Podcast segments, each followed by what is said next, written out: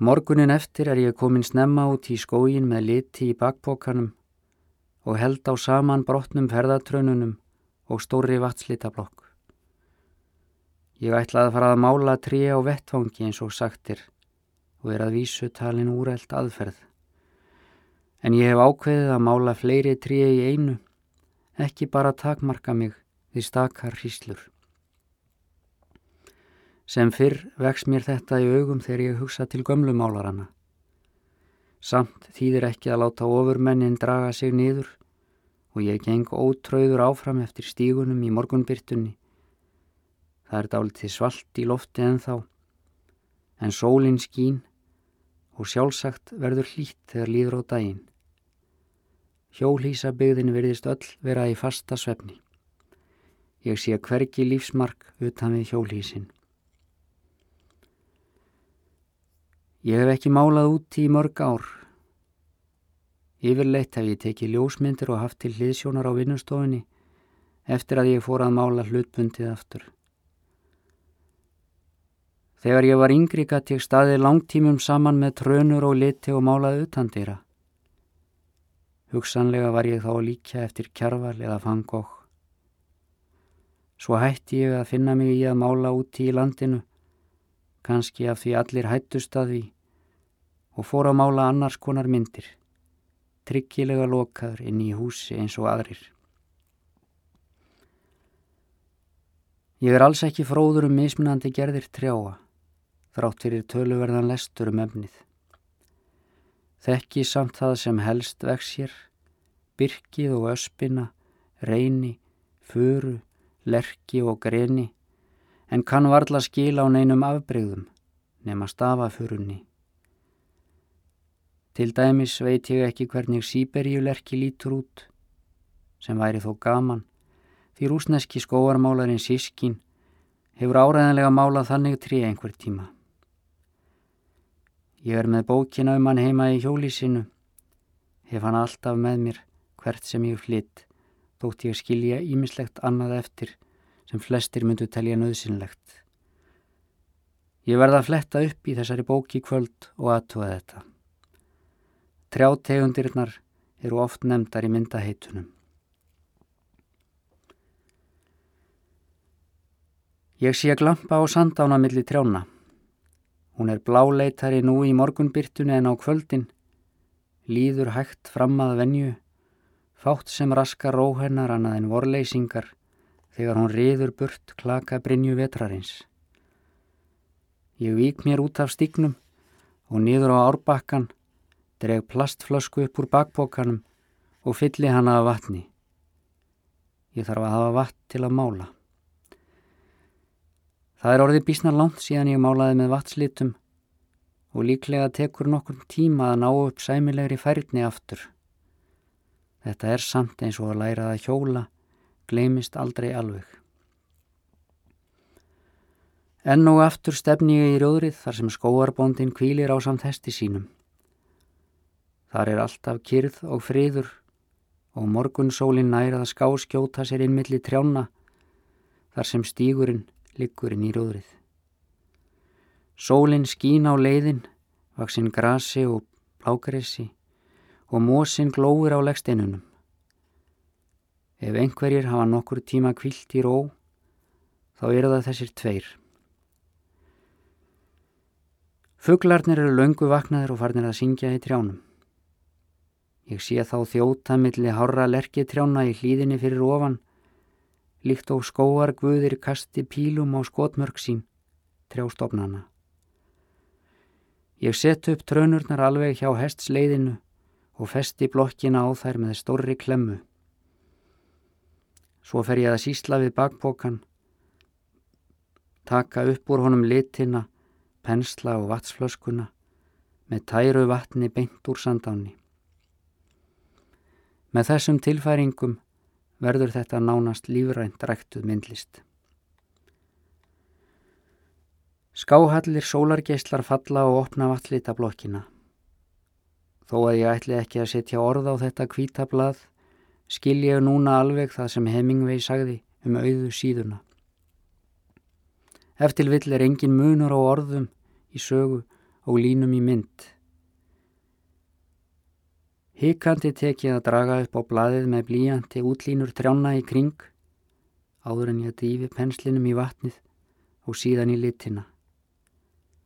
Enn er dögfall á grasinu í skugga trjána og Maríu stakkurinn sem vex hjá leiði mannsins geymir í blöðum sínum uppsapnaða drópa sem ég hefði þess vegna getað notað í myndina.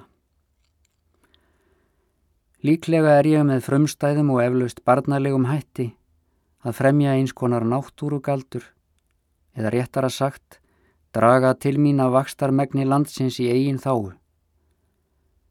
Allur kraftur sem kann að verða í myndinni kemur í raun frá landinu sjálfu. Samt sem áður, náttúran gerir ekki myndir. Er svona myndlist þá bara eftirlíking eða getur hún talist endursköpun þegar best lætur eitthvað sem kalla mætti eimun á sálnáttúrunar? Ég veit það ekki en ég held áfram að mála.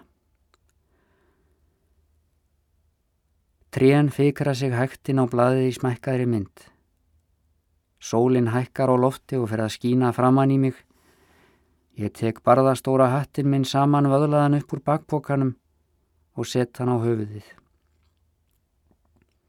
Allt í einu sé ég kanínu skjótast fram hjá trönunum við fætur mér og hverfa inn á milli lerkistofnanna. Þetta er í fyrsta skipti sem ég sé kanínu á þessum slóðum. Ég vissi ekki einu sinni að þær heldu hér til. Það hefur alltaf skrítin áhrif á mig að sjá viltar kanínur hér á landi. Mér finnst ég hálfpartin vera lendur í enskri dýrasögu í hvert sinn sem þær verða á vegi mínum. Það hlýtur að vera hart líf að vera kanína hérna á veturna og ég ber mikla virðingu fyrir þessum gestum frá hlýri löndum sem hafa ákveðið að halda þetta út. Mér finnst ég heyra eitthvað og sný mér við. Þarna er hún og starir á mig, konan sem ég sá hugleiða í róðrinu um daginn. Hún stendur graf kyrr álengdar á stignum sem liggur inn í rjóðrið og horfir á mig eins og ég sé dýr af sjálfgjafri tegund. Það vaknar með mér einkennleg tilfinning. Ég legg penselin hægt ofan í djúbgrænt grasið.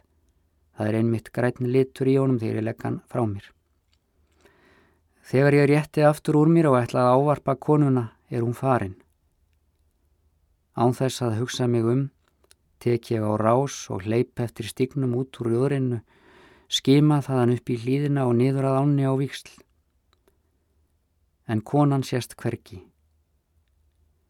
Hún var ekki rauðklætt núna, heldur í ólífu grætni kápu og það geti reynst erfitt að finna hana í skóarþeikninu þannig klætta.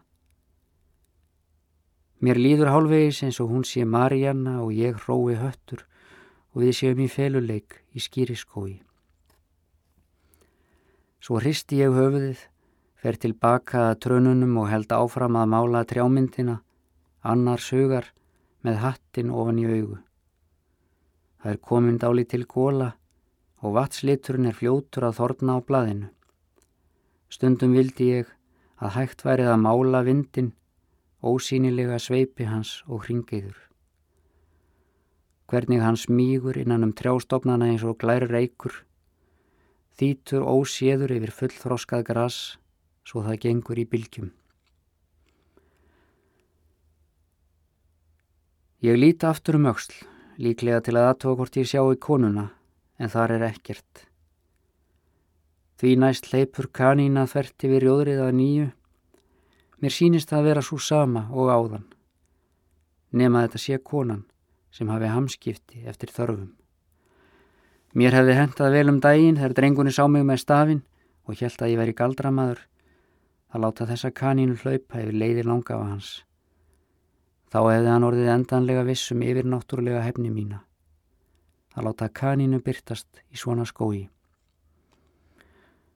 Hugsanlega hefði hann orðið enns meikari við mig fyrir vikið en hann hefði þó að minnstakosti haft trú á mér þurfa ekki allir á því að halda að einhver hafi trú á þeim. Myndin er alveg missöfnuð. Hún er oflík trjámyndum eftir Alex Katz. Ég losa hana með vasanhíf úr kant límdir í blokkinni. rífana í sundur og stingi í bakpokan, tek svo saman litina og trönurnar og held í rólegheitum heim á leið. Það er komið fram yfir hádegi og ég er orðin sársvangur. Á göngunni skima ég oft til hliðanna til að aðtóa hvort ég sjá í ólífugræna kápu og dögt sítt hár eins og fagur gljáandi feld á tígulegu dýri. Þótt ég komið myndlaus heim er dagurinn ekki ómögulegur. Ég hef séð tvö dularfull skóardýr skjótast gegnum trjáþeiknið og ég finn sífælt betur að sjálfur er ég bara einmanna skóarúlfur á ferli um greina flókin myrkviðin í lífi mínu.